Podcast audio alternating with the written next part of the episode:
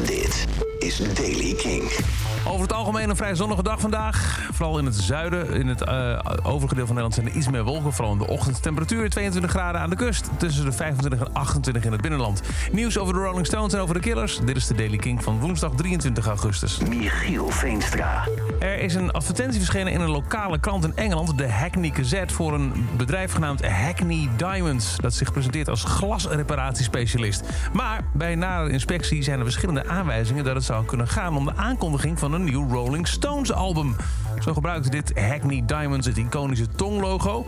En in de tekst van de advertentie zijn er verwijzingen naar beroemde hits van de band... zoals I Can Get No Satisfaction. En de link verwijst naar de website van Universal Music. En die gaat over de back catalog van de Rolling Stones. Binnenkort dus waarschijnlijk wel meer.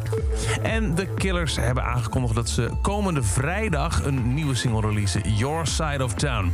Via social media zeggen ze... we zijn verheugd om Your Side of Town aan jullie voor te stellen. Het nummer bevat invloeden van veel synth-muziek... die ons door de jaren heen heeft geïnspireerd... maar behoudt toch een uniek killersgeluid. We hopen dat jullie ervan genieten. Vrijdag komt Your Side of Town dus uit... en is het eerste nieuwe werk sinds hun losse single Boy van vorig jaar... die nog over was van de sessies van The Pressure Machine uit 2021.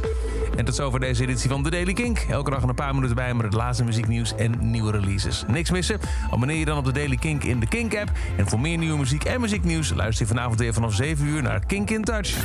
Elke dag het laatste muzieknieuws en de belangrijkste releases in de Daily Kink. Check hem op kink.nl of vraag om Daily Kink aan je smart speaker.